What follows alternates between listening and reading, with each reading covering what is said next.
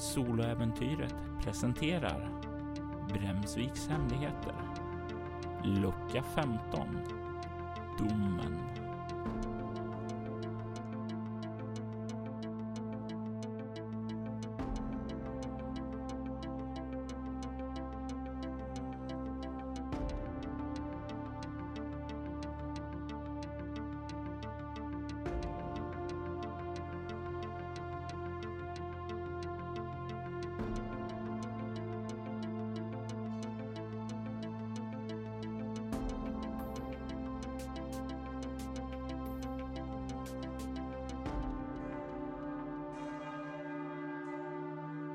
It's madness for the sheep to talk peace with a wolf.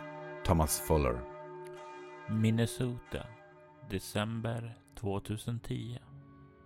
Agent Sacratellis svär tyst för sig själv då ännu ett spår har blivit kallt. Hur svårt kan det vara egentligen att hitta en ung kvinna som har slunkit ur hans grepp egentligen? Han suckar för sig själv och be kollar ut ifrån fönstret i den bil han sitter nu. Han sitter där tomhänt då hans senaste spår har blivit kallt. När han sitter där börjar han att känna en känsla som han inte har känt på väldigt, väldigt länge. En trötthet. En sak som han slutade med för väldigt länge sedan. I takt med att han vann djupare insikt i sin själ så insåg han att sömn inte var något han behövde längre. Någonting som bara de slumrande människorna behövde. Det fanns så mycket mer tid att spendera om man bara struntade i att sova. Så när den här känslan kommer över honom så är det ett starkt obehag. Jörgen, jag vill att du slår ett chockartat skräckslag med utstrålning för Agent Sacratellis. Du kan skaka av den här obehagliga känslan, men det, det, du känner att det är någonting övernaturligt som försöker att påverka dig. Någonting som försöker dra dig in i sömnen.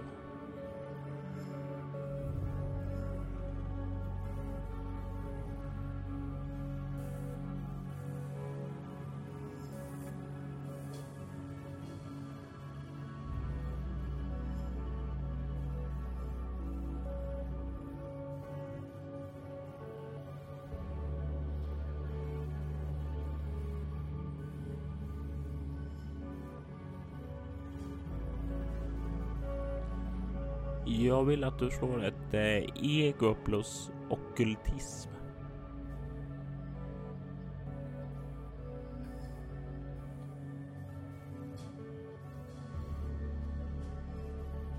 Under den långa tid som du har varit vid liv och utforskat själens djupare mysterium så har du ju blivit medveten om att det finns andra typer av övernaturligheter som går att bemästra.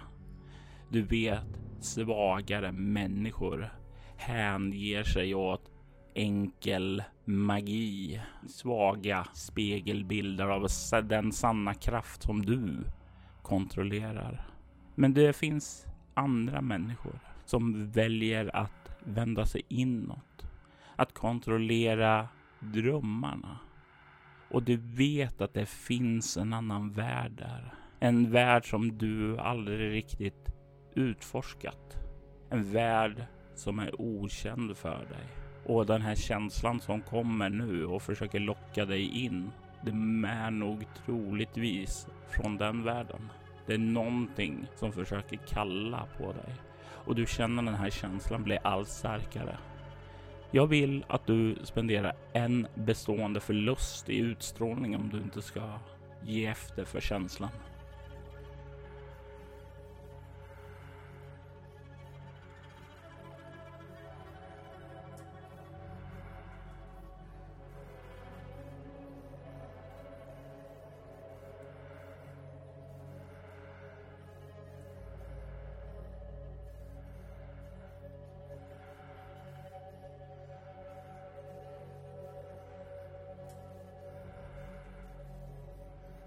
Och du känner då hur du sluter ögonen.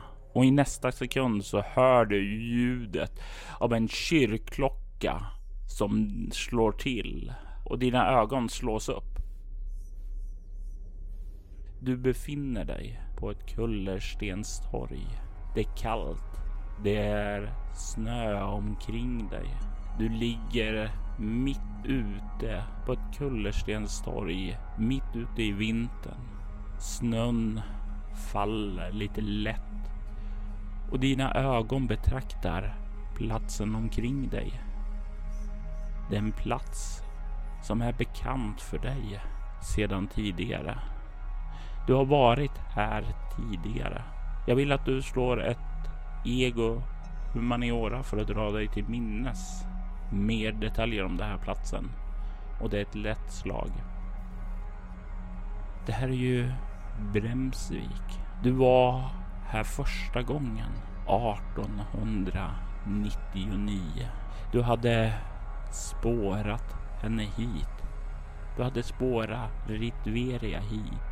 Hon letade efter en annan. En annan Chakapa att väcka här. Som skulle bli som du. Innan hon kastade dig åt sidan. Du minns den här platsen för det var här du försökte och ta Ritverias krafter första gången.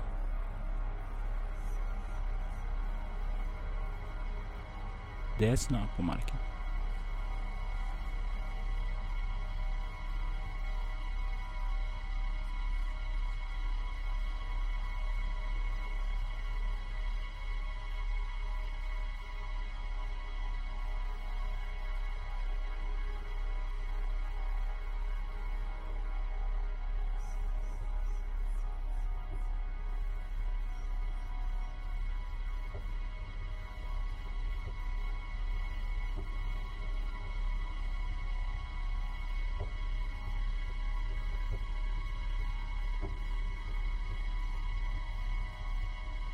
Sluter dina ögon och försöker förnimma saker och ting.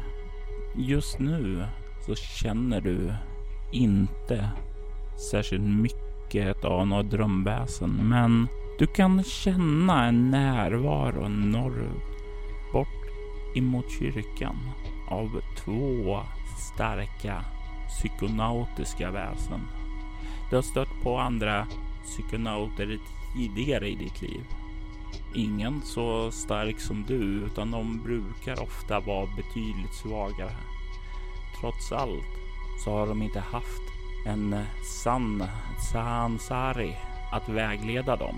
Men de två krafterna du känner dig norrifrån, de är starka. Lika starka som du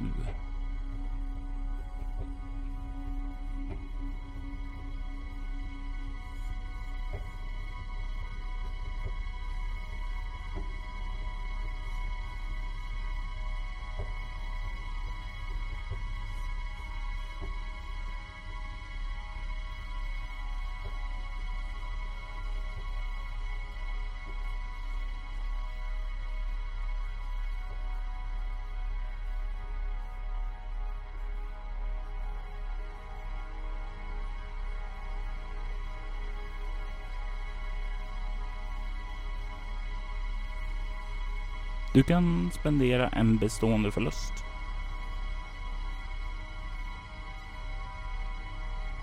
Mm.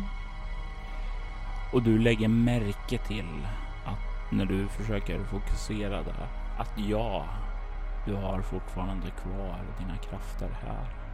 Var de än har dragit in dig så är du i full vigör och du kan se hur Snön yr undan framför dig.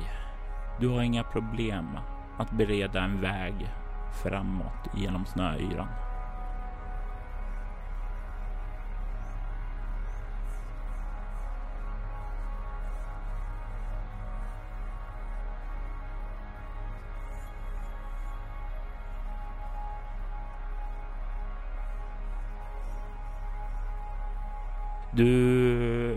Du skyndar ut och liksom kollar dig runt. Och det är då som nästa minne slår emot dig här. Du minns även hur du har varit här en andra gång. 1999. Då du fick folket att försöka utföra en ritual. Att offra två människor för att dra Ritueria hit och fängsla henne. Men även denna gång gick något fel. En av kvinnorna, en kvinna vars namn du inte riktigt minns för hon är obetydlig för dig nu. Hon lyckades att frigöra den del du hade lyckats fängsla här 1899 och hon bröt sig fri. Det är två gånger som din försök att sluka Ritverias makt. Hennes själsliga energi har blivit stoppad här och nu är du här för en tredje gång. Men förra gången du var här så var det precis som första. Inga av byns invånare lämnades kvar levande. Du stirrar över en ödegiven stad. En övergiven by när du skyndar ut ur den norrut mot kyrkan där du kan höra kyrkklockorna slå.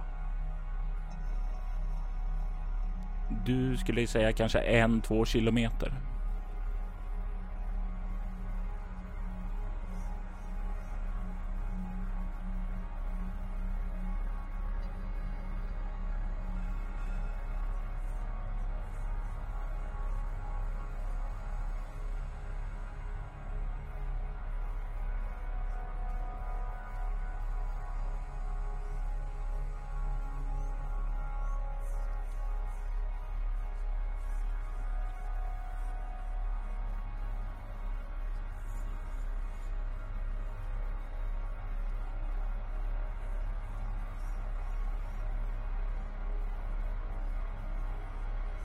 när du lyfter upp och börjar färdas genom eh, vinterhimlen så känner du en ny person bort ifrån kyrkan.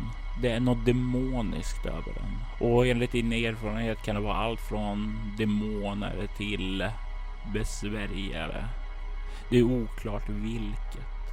Men det är mycket kraftfullt i alla fall och du får en känsla av att det är plågat också. Men det som kanske är mer oroande är att de här två själsligt uppvaknade psykonauterna som du kände närvaron av tidigare. Nu när du kommer närmare även verkar besitta en stor kraftfull drömenergi. Som om de har mer krafter, andra typer av krafter än du utöver sina vanliga.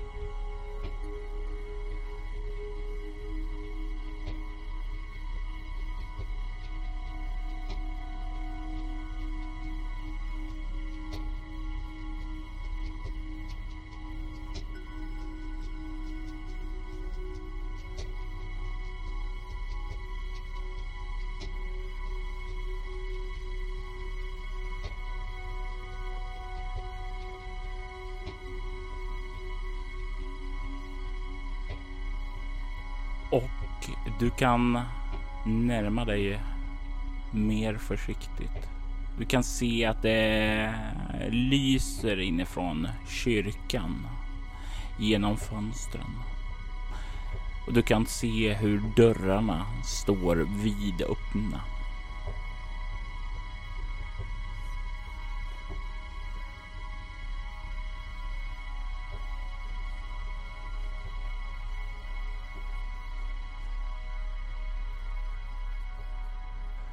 Och du stirrar in i en stor kyrksal och tänk dig att den är en enorm gigantisk katedral där inne. Den är betydligt större på insidan än på utsidan. Du kan se ett stort kors, ett sånt här typiskt kors där Kristus sitter korsfäst på och tar människornas synder på sina axlar. Men det är inte Kristus som hänger där. Det är en annan man. Du kan se han har ett par slitna jeans, en bar bröst och du kan se hans eh, hår hänger. Det är långt, det har vuxit fritt. Eh. Du kan också se hur både skägg och mustasch börjar växa vilt där, som om han har hängt där länge. Du kan se han hänger där plågat och huvudet eh, slackar nästan nedåt. Nedanför står två andra personer.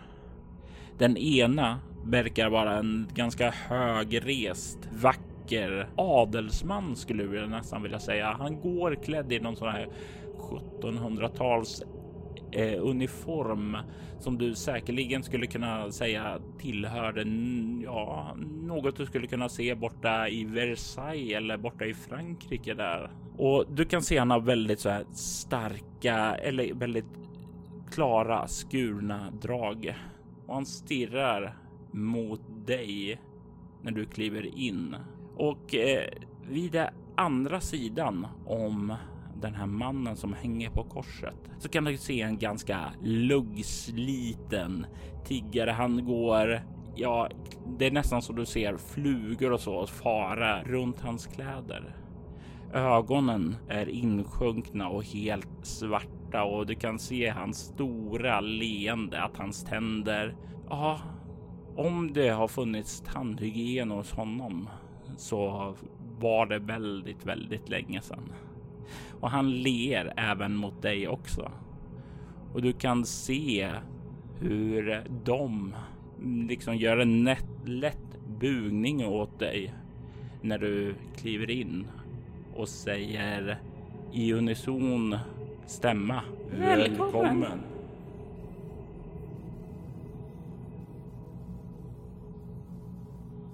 Och du kliver in och du hör dörrarna, du hör portarna slå igen bakom dig. Det upplyser. Det är vackert. Du kan se fönstren här inifrån är täckta av mosaiker. Vackra brudlande färger. Du kan se den här mer välklädda mannen mm, göra en eh, nick åt den eh, luggslitna tiggaren som tar ett steg fram emot dig och säger Tack för att du har kommit. Det ska bli så, så roligt att få dig att hjälpa till i detta. Du förstår, vi behöver avgöra en konflikt här.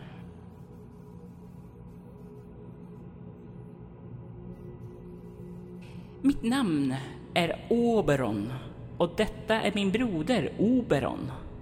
Vi båda var precis som du en psykonaut, men äh, världen du lever i tråkade oss och vi lämnade den bakom oss och begav oss in i drömlandskapet och här har vi skådat så mycket, så, så mycket. Du kan se hur Oberon kollar mot sin broder och säger Kom till saken. Jag tror att Mr Winterburn här inte har hela dagen på sig.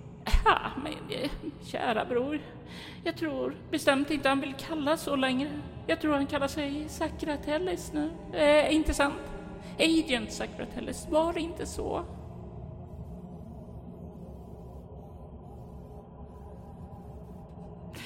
Åh, det är en... Det är en Bra, bra, bra fråga. Låt mig förtälja. Jag och min bror har skådat ett hot. Eller en räddning. Jag och min bror är inte riktigt säkra på vad. Ni ser mannen på detta kors. Han kallas för... Ripper är en man som antingen bär på räddningen för världen. Eller dess undergång. Och jag och min bror, vi kan inte komma överens om vilket som stämmer. Men vi måste komma till ett beslut. Och eftersom vårt spel sinsemellan inte har givit en tillräckligt god marginal för någon sida så behöver vi en domare som förkunnar en dom. Om denna man ska straffas eller släppas fri. Och det är därför som vi har kallat dig här. Men vi vet bättre än att försöka tvinga dig till någonting. Ja, morot framför spö. Det är vad min bror gillar. Jag skulle valt en annan metod, men han, han, han kanske förstår sig på dig bättre. Så jag låter honom ge dig erbjudandet. Vad jag förstår så söker ni efter en kvinna. En kvinna som heter Amanda Past. Eller Jenny de Dunnan som hon kallar sig nu. Ni behöver henne för att uppnå ert mål, inte sant? Ditt erbjudande är mycket enkelt. Det är att... Bestämma vad man är skyldig. Tack, bra.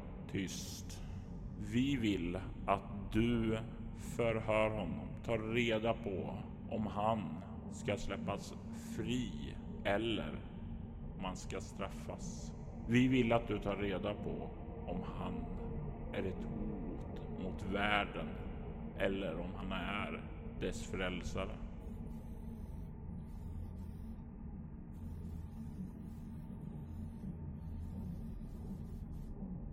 Det som avgör det är att du gör ett ordentligt försök att komma fram till ett beslut.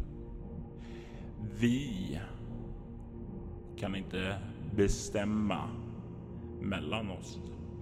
Vi har en jämn vågskål som inte tippar åt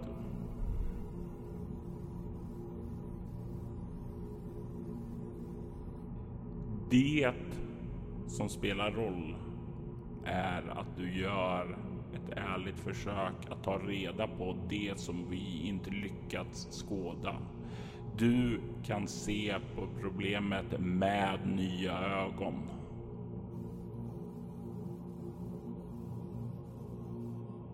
Du kan se hur de kliver åt sidan. Eh, den eh, Oberon, den eh, adelsmannen, han tar ganska rakryggad och kliver åt sidan medan tiggaren nästan liksom böjer sig fram och lite nästan ja, rör med handen som kom fram, kom fram, kom fram.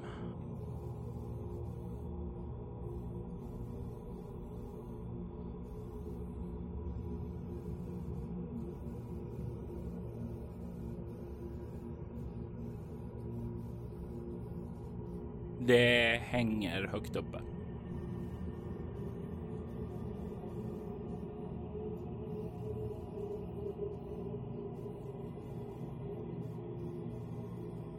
Och du kan se när du kliver fram och kommer under honom hur han sakta öppnar ögonen.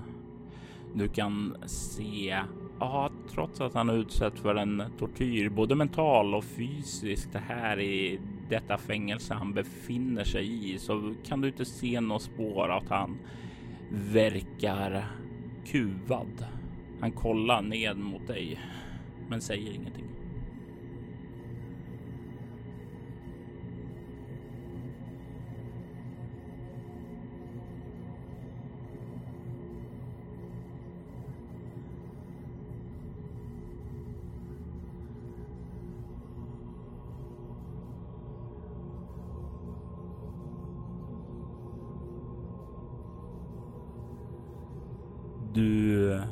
Försöker få kontakt med honom psykiskt, men du kan inte få någon form av igenkännande där. Däremot, det var länge sedan, men det är någonting som känns bekant med honom. Någon typ av energi som du har känt tidigare. Jag vill att du slår ett mycket svårt slag med ego och okultism.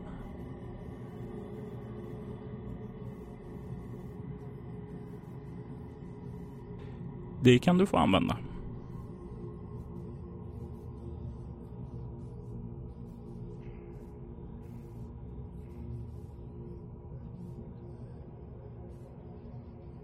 Du känner igen den här energin.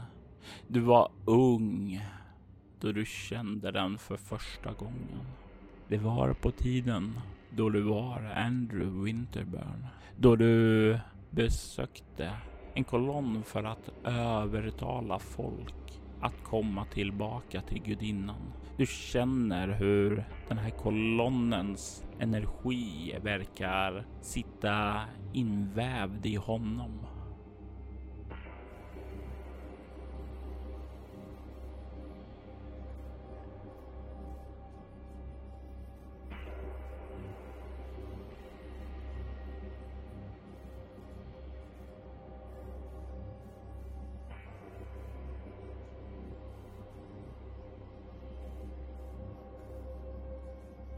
Ja, du känner det väldigt, väldigt klart och nu när du tänker tillbaka på kolonnen och sådant där så är du rätt säker på att han troligtvis är någon typ av esoteriker.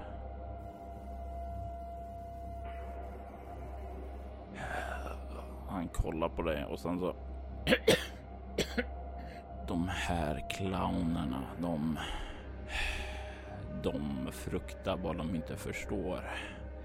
Men jag, jag ser ned på dig och jag ser att du förstår mer än vad de gör. Jag hoppas att du kan ordna upp den här röran när du förstår att vi är bättre än dem. Att vi har ett högre syfte än de att sitta här i deras låtsasvärld och rulla tummarna.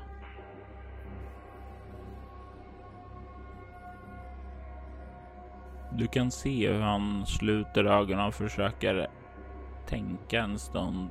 Tyvärr. Eh, jag, jag skulle... Jag hörde ju när du talade med dem att du söker efter det och om jag kunde ljuga för dig för att få dig att släppa mig fri så skulle jag göra det. Men någonting säger mig att du skulle se igenom mina lögner. Så nej, jag känner inte igen dem.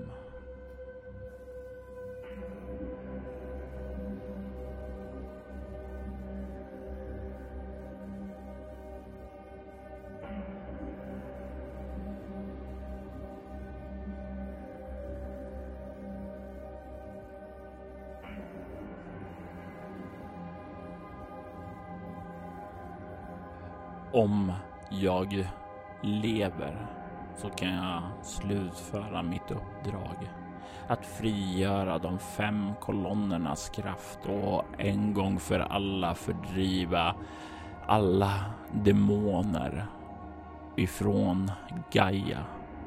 Och det kommer slutligen förinta min kropp och föra mig vidare till Bogavati. Det är min belöning för det uppdrag jag åtagit mig. Om jag dör, då kommer kolonnernas kraft och inte att frigöras. Då kommer demonerna att svepa in över världen och växa sig starkare. Människan kommer inte ha all den tid att bygga upp sig. Att bli så som du starka och redo att kämpa mot hoten som väntar där ute. Hoten bortom stjärnorna.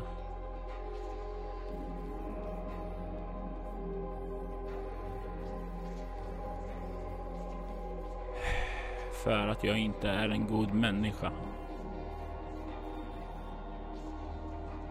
Jag har levt under många århundraden jag föddes som bastard till Vasco da Gama. Det var han som tog mig med till Indien och när han åkte tillbaka så stannade jag kvar där för att utforska landet. Det var där jag mötte min första demon och det var det som satte mig på mitt uppdrag. Men en människas liv är kort jag skulle ha dött för länge sedan om jag inte fann ett sätt att överleva. Och jag fann det. Jag fann en eh, uråldrig tradition av tantrisk sexmagi som låter mig ta energi ifrån ja, varelser, människor såväl som annat. Och jag har tagit den här energin genom århundraden. Ju starkare, desto bättre. Men du förstår, det skapar ett rykte. De kallar mig för Ripper och mitt uppdrag ses inte av mänskligheten. De bara ser kropparna som jag lämnar omkring mig.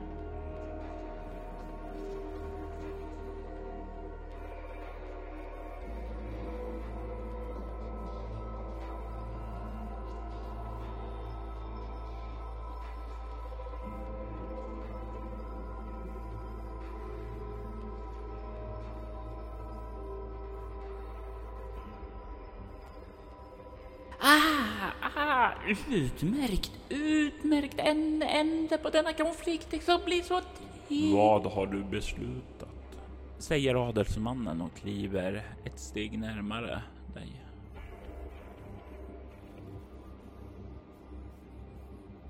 Garantier? Det finns inga garantier med livet utan det är allting en hopp. Vill du så kan vi upprätta ett kontrakt om saken. Vi kan göra en drömpakt som binder oss till att uppfylla det.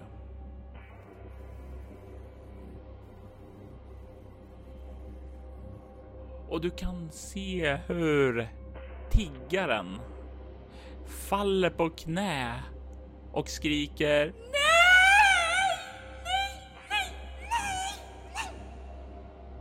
Du kan se hur den adelsmannen ler och kollar ned mot sin bror och vänder sig sedan mot mannen korset och gör en fingerknäpp.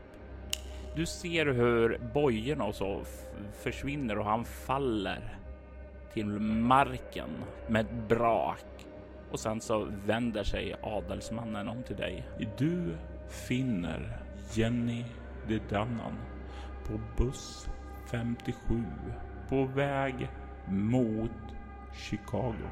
Hon kommer att komma fram. Du ser hur han tar fram ett fickur. Om två dagar.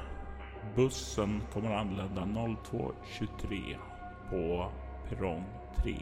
Jag rekommenderar att du antingen slår till innan eller på vägen dit. Och i nästa ögonblick så ser du hur han knäpper med fingrarna igen och du kan se hur både han och hans nu gråtande broder försvinner ifrån kyrkan. Du kan se hur Ripper ligger kvar där på marken och börjar sakta resa sig upp och ger dig en nick.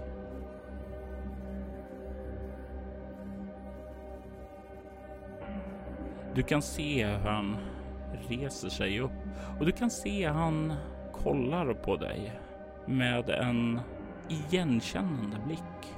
Eh, säg mig, har vi träffats tidigare?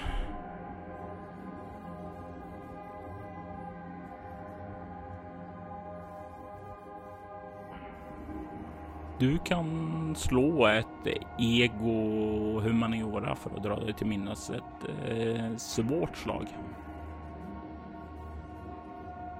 Och det är ett perfekt slag och du kan vara helt säker på att du aldrig har träffat den här mannen tidigare.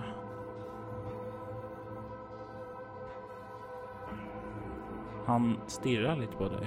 Säg mig, du har, har du skådat det jag söker? Kanske därför jag känner igen dig. Du har inte råkat sett en stenkolonn någon gång under ditt liv? En stenkolonn med ormar.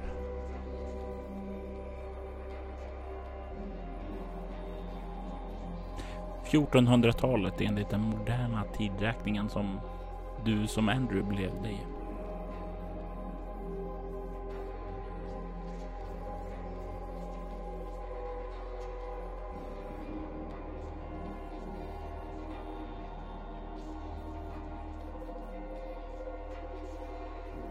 det är ju en eh, tid som sitter väldigt hårt i dig, den här platsen. Eh, du spenderade ju ändå några hundra år där och eh, det, det var ju en plats som var viktig för dig innan du lämnade den.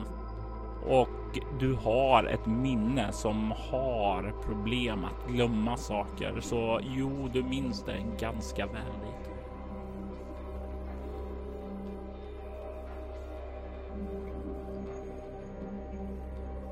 Tack. Jag ska sannoliken göra mitt bästa. Efter denna kolonn så är det bara en kvar sedan. En kvar. Den femte och sista innan vi kan släppa fri tystnaden. Innan vi kan ge mänskligheten en sista försvarsmur inför det kommande hotet. Jag tackar dig, min vän, och jag önskar dig lycka till i ditt åtagande. Och du kan se hur han bleknar bort och du står ensam kvar i kyrkan nu. Och nu när du är ensam kvar här så ser den annorlunda ut. Du ser den är liten. Du ser att den är eldhärjad. Du ser spåren från katastrofen 1999 då Ritueria återfick den skärva som du hade fängslat henne här. Och du kan se de brända liken som hon lämnade efter sig. Hur känns det här att stå i ruinen av ditt eget misslyckande, Sakratellis?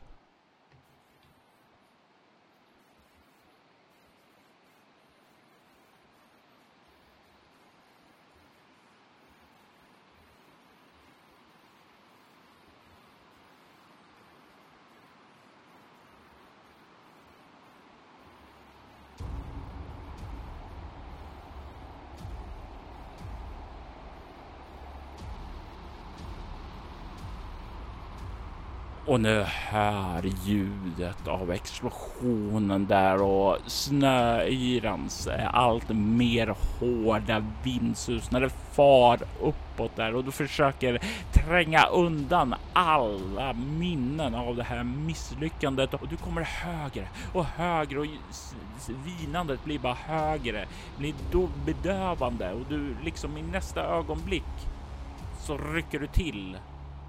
Och du sitter i bilen.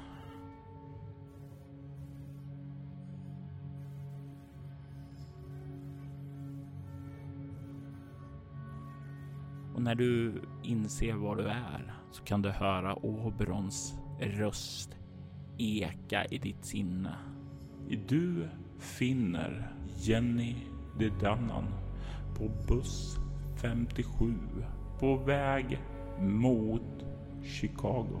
Du startar bilen för att börja bege dig mot Chicago.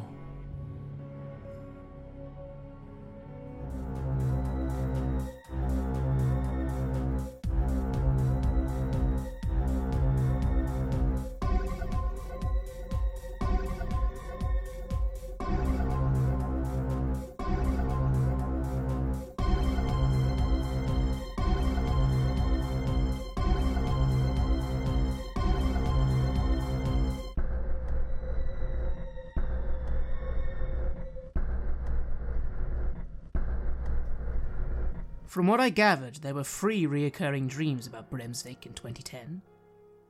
The one about the conspiracy, about 223.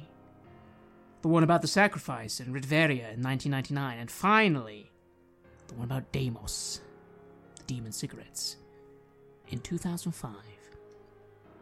Three separate incidences. Yet they were all experienced globally by people of different sexes, classes, and ethnicities. I've compiled over 1,000 statements from those who dreamed about Bremsvik, and from what my sources say, Oberon and Oberon, the two dream lords I spoke about in episode 57, they are the ones behind the dreams to judge a specific person's fate. Question is, why Bremsvik? What's so special about that village that it's become the focus for these dreams. No matter the reason, the name Brenzvik would become especially terrifying for some very unlucky people in the future. Their dreams might have been over, but their nightmares had just begun. Utanför Chicago, december 2010. Julen närmar sig med stormsteg. Snön faller och det kommer definitivt bli en vit jul. Det är en greyhoundbuss som åker fram längs det snöklädda vinterlandskapet. Mörkret har sänkt sig ned och ombord på bussen så kan det i de gamla skraltiga högtalarsystemet höras julmusik som spelas. Det är många familjer som nu håller på att resa till sina släktingar för att fira julafton och juldag tillsammans. Det är en gemytlig stämning, även om den nu på den sena kvällen har börjat bli lite mer dämpad när de yngsta i familjen börjar glida in i sömnen. Klockan är 21.23 och det är någon som sitter i bussen som inte alls har den här gemytliga julstämningen som kan dela den med någon. Jenny, hur känns det så här på bussen på väg mot Chicago? En ny stad, ett nytt liv. Det var över ett halvår sedan du hade den här drömmen med Rain. Hur har livet varit för dig under den här tiden? Det har varit eh, bra och mindre bra. Jag tror bara att jag kanske har blivit van vid det och försöker att inte tänka på det så mycket. Jag försöker eh, se de små positiva sakerna. Det är snö ute. Och, och bara ta mig framåt. Hur känns det att vara omgiven av så många lyckliga familjer här? Att de verkligen har varandra och stödjer varandra. Är det något som tynger dig eller är det någonting som glädjer dig? På något sätt så när jag ser all, alla de här människorna så försöker jag ändå, även fast jag inte minns någonting om min mor eller någonting varmt så försöker jag ändå fantisera och tänka att jag undrar hur det skulle vara att fira jul med, med Rain och, och min mamma och att jag var en av, en av dem av dem som får fira jul. Men eh, såklart att det, det gör väldigt ont att tänka så. Men det kunde ha varit värre.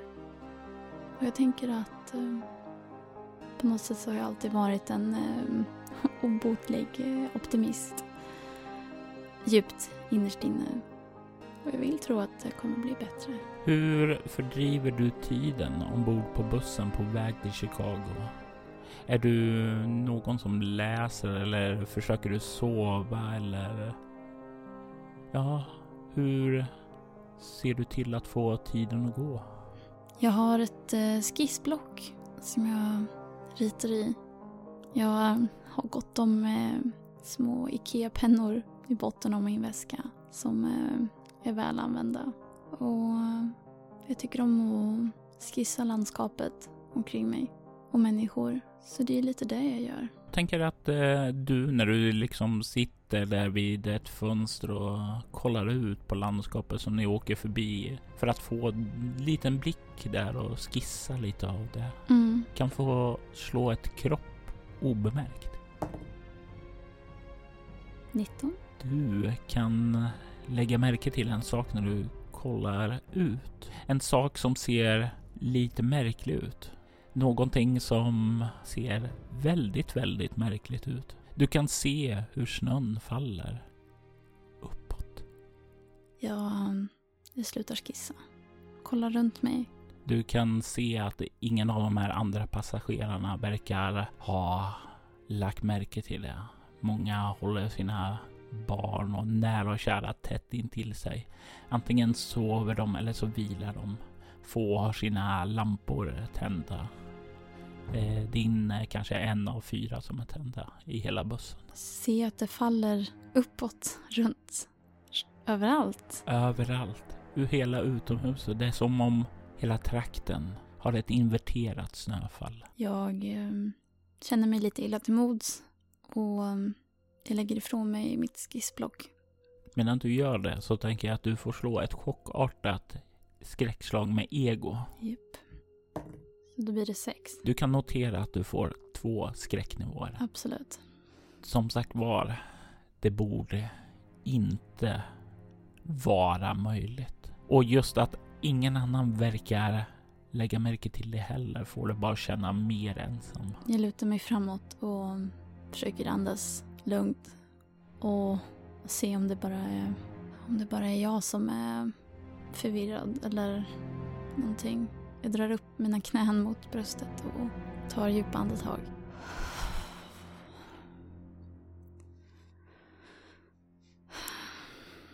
Det här händer inte. Du kan se hur grannen framför dig är på väg att vända sig om när han hör dig och säga det. Men du känner då, precis som han, att busschauffören trycker på bromsen och det blir så här lite ofrivilligt att du rycker eh, framåt av det. Du har ganska högt i obemärkt som innebär hur bra reaktionsförmåga du har, så du kan ganska enkelt parera det. Men du ser din granne som har liksom börjat vrida sig bakåt, far framåt och slår in i stolen precis framför honom och väcker grannen där. Oj. Du märker hur bussen stannar. Jag, jag kollar framåt. Jag försöker se vad jag ser framför bussen. Du kikar framåt och du ser... Ja, det, snöfallet har börjat tillta. Det har blivit starkare. Utanför så hör du hur det blåser. Vinden är tilltagande och utöver det så kan du också höra att eh, det börjar uppstå ett sånt här folksål i bussen när folk har börjat vakna. Eh, du kan se hur busschauffören verkar ha rest sig upp eh, från eh, sin plats bakom ratten, klivit ut i gången och säger i, ni behöver inte oroa er, jag ska bara ut och kolla en sak. Och sen så kliver han ned mot dörren och börjar kliva utåt. Jag tar på mig min jacka och mina ytterkläder och eh, går nog faktiskt ut efter honom. Du kan se hur folket omkring dig verkar ja, ha lytt eh, busschaufförens instruktioner och verkar lugna ned sig och sådant medan du drar på dig ytterjackan. Du reser dig upp och är just på väg att kliva ut i gången då du lägger märke till en sak. Vatten. Det droppar vatten från taket. Du känner det här ploffs ned på din jacka. En droppe, två droppar. Det är som en kran börjar nästan öppnas. Det kommer fler droppar. Det är snart en stråle. Jag skyndar på mina steg för att ta mig ut. Samtidigt som jag kollar liksom, är det någon annan som märker det här? Du kan se att det är definitivt andra som märker det, för du ser hur de här eh, små ventilationsfläktarna, eh, de här små fläktarna ovanför sittplatserna plötsligt ändras till att bli sprinklers. Hur det börjar spruta vatten genom hela bussen. Folk växer ur sin slummer och börjar skrika. Du har nio obemärkt, så du får en skymt genom framrutan ifrån bussens strålkastare så ser du busschauffören dinglar en bit ovanför marken. En man håller honom i en hand ovanför marken. Som om han vore en trasdocka. Du kan inte se konturerna, men du kan känna den obehagliga vibben är bekant. Agent Sakratellis har funnit dig. Du ser hur Sakratellis släpper mannen och mannen faller upp i luften och försvinner ur synen från bussen. Helvete. Han tar ett steg närmare mot bussen. Har jag något vapen på mig? Något, någonting att försvara mig med? Du kan slå ett kroppsstridsvana. 14. Vad kan du ha med dig för vapen? Bär hon ett vapen? Jag kan tänka mig att hon gör det i och med att hon är van vid att flacka runt och man måste kunna försvara sig. Så jag kan tänka mig att hon kanske har en um, taser och en kniv på sig. Ja, det känns ju rimligt med tanke på vad du flyr ifrån. Mm. Har du dem på dig då antar jag, inte i packningen som ligger ovanför din? Nej, utan jag har dem på mig. Du ser Sakratellis höjer en hand och liksom så gör han en gest åt sidan och du hör ljudet av krossat glas och mänskligt skrik bakom dig. Du hör mer krossat glas från andra sidan åt dig. Helvete. Jag, jag springer ut. Du börjar rusa dig och du hör när du tar stegen framåt som liksom verkar följa efter dig. Du hör panikfyllda skrik från busspassagerarna som verkar nu börja inse att någonting är riktigt, riktigt fel. Mm, du rusar framåt och du är ganska snabb på fötterna så du liksom hör nästan hur det här börjar öka och det verkar följa efter dig. Du känner också hur det blir kallare här i bussen när mer och mer fönster splittras. Du kommer fram till dörren som står där öppen. Du ser nu inte Sakratellis längre. Han är borta. Du vet inte var han är. Jag drar fram min kniv ur min, min känga. Du hör hur det har tystnat. Du hör inte längre glas som krossas. Du hör inte längre skrik ifrån människor. Jag vågar inte, jag vågar inte kolla. Jag, jag går försiktigt ut ur bussen. Du tar stegen ut. Och jag vill att du, som du sa själv, jag vill inte kolla. Jag vill inte. Jag vill att du slår ett utstrålning stridsvana för att ha den här kontrollen. Att, att inte riktigt uppfatta vad man ser i periferin Mm, när du kliver ut åt höger. mm. Så slå ett utstrålning stridsvana. Jag slog eh, 13. Du kan antingen få göra ett skräckslag eller så kan du ta en bestående förlust i utstrålning för att liksom lyckas pressa bort vad du ser åt höger.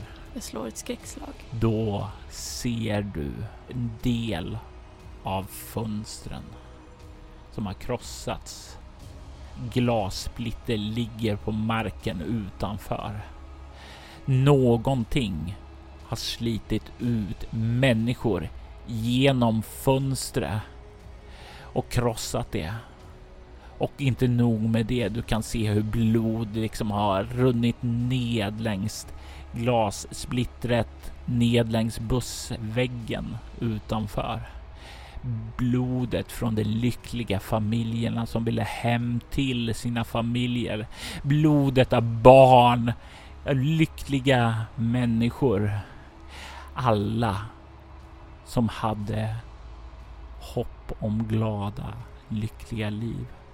Alla döda nu på grund av dig. På grund av att han vill ha dig. Du kan slå ett, ja, jag skulle vilja säga ett fasansfullt eh, skräckslag med utstrålning. Mm. Du kan ta tre skräcknivåer av den här synen, av den här känslan av att det är ditt fel. Jag tror att min rädsla tar över här. Så jag springer rakt in i skogen. Du börjar springa och tar de första stegen bort ifrån vägen. Du kommer ut i den här snödiket där och känner hur det sjunker ned. Jag vill att du slår ett kropp överlevnad för att forcera dig fram i den djupa snön. 12. Du har sprungit i vildmark tidigare, till och med i vintern. Så du är ju van att röra dig framåt här. Och du pulsar dit. I bakgrunden så hör du musiken från bilstereon fortfarande spelas. Du hör Last Christmas. Vem musiken ljuder högljutt där när du rusar bort ifrån ljuset ifrån bussen in i skogens mörker. Du känner hur vinden tilltar, snön yr omkring dig. Du kommer upp ur diket och in i skogen. Du har inte sett till honom. Du har inte sett till eh, Agent Sacratellis alls. Du kommer in i skogen. Vad är din plan när du väl har lämnat vägen?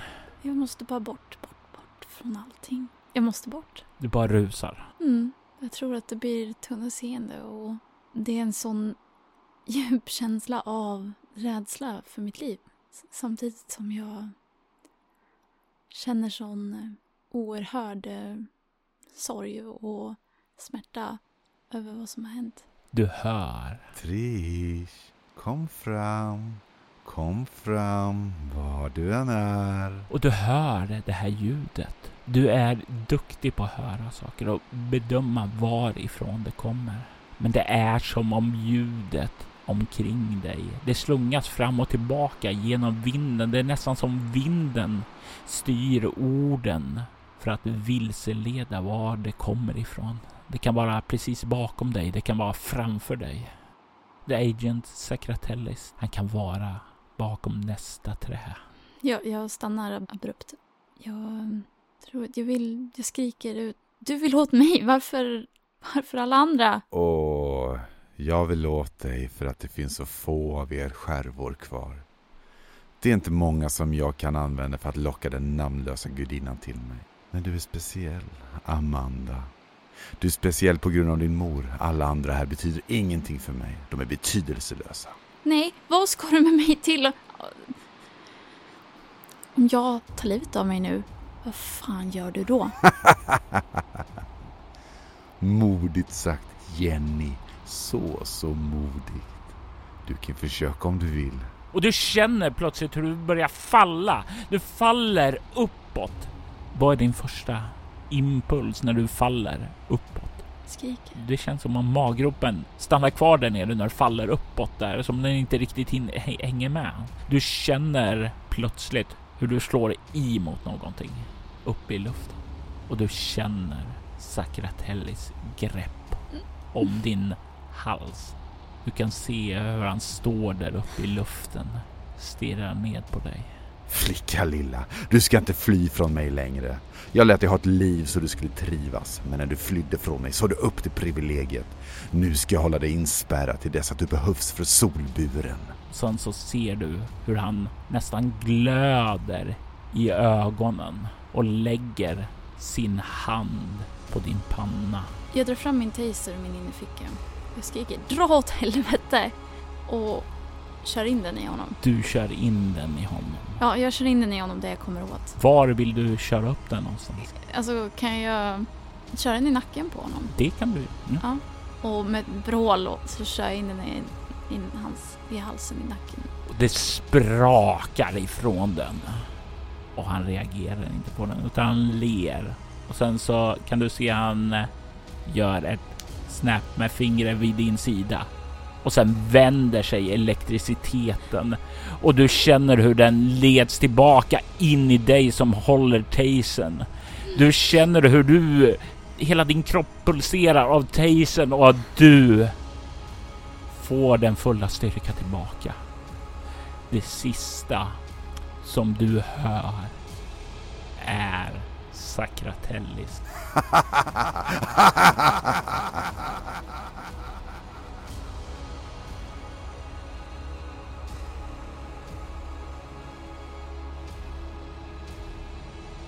Scenariodomen skrevs av Robert Jonsson som även redigerade, ljudlade och spelade. Spelare i detta avsnitt var Jörgen Niemi som Agent Sakratellis och Frida Fransén som Jenny Didannan. Övriga roller gestaltades av Craig Austin som Nate Traveller. Bremsviks hemligheters vignettmusik gjordes av Marcus Linder. Övrig musik i detta avsnitt gjordes av World Clock. Lisa Listby, Metatron Omega, Shrine och Adrian von Ziegler. Banden World Clock, Lisa Listwe, Metatron Omega och Shrine ges alla ut av skivbolaget Cryo Chamber. En eh, fantastisk utgivare av mycket stämningsfull ambient musik. Vi rekommenderar er att spana in dem via några av de länkarna som ni finner där avsnittet publicerades. All musik i avsnittet används med tillstånd. Mer information om rollspelet Bortom hittar du på bortom.nu och mylingspel.se. Följ gärna soloäventyret på Instagram och Twitter under namnet Spela Bortom eller på Facebook som Soloäventyret. Tack för att du har lyssnat.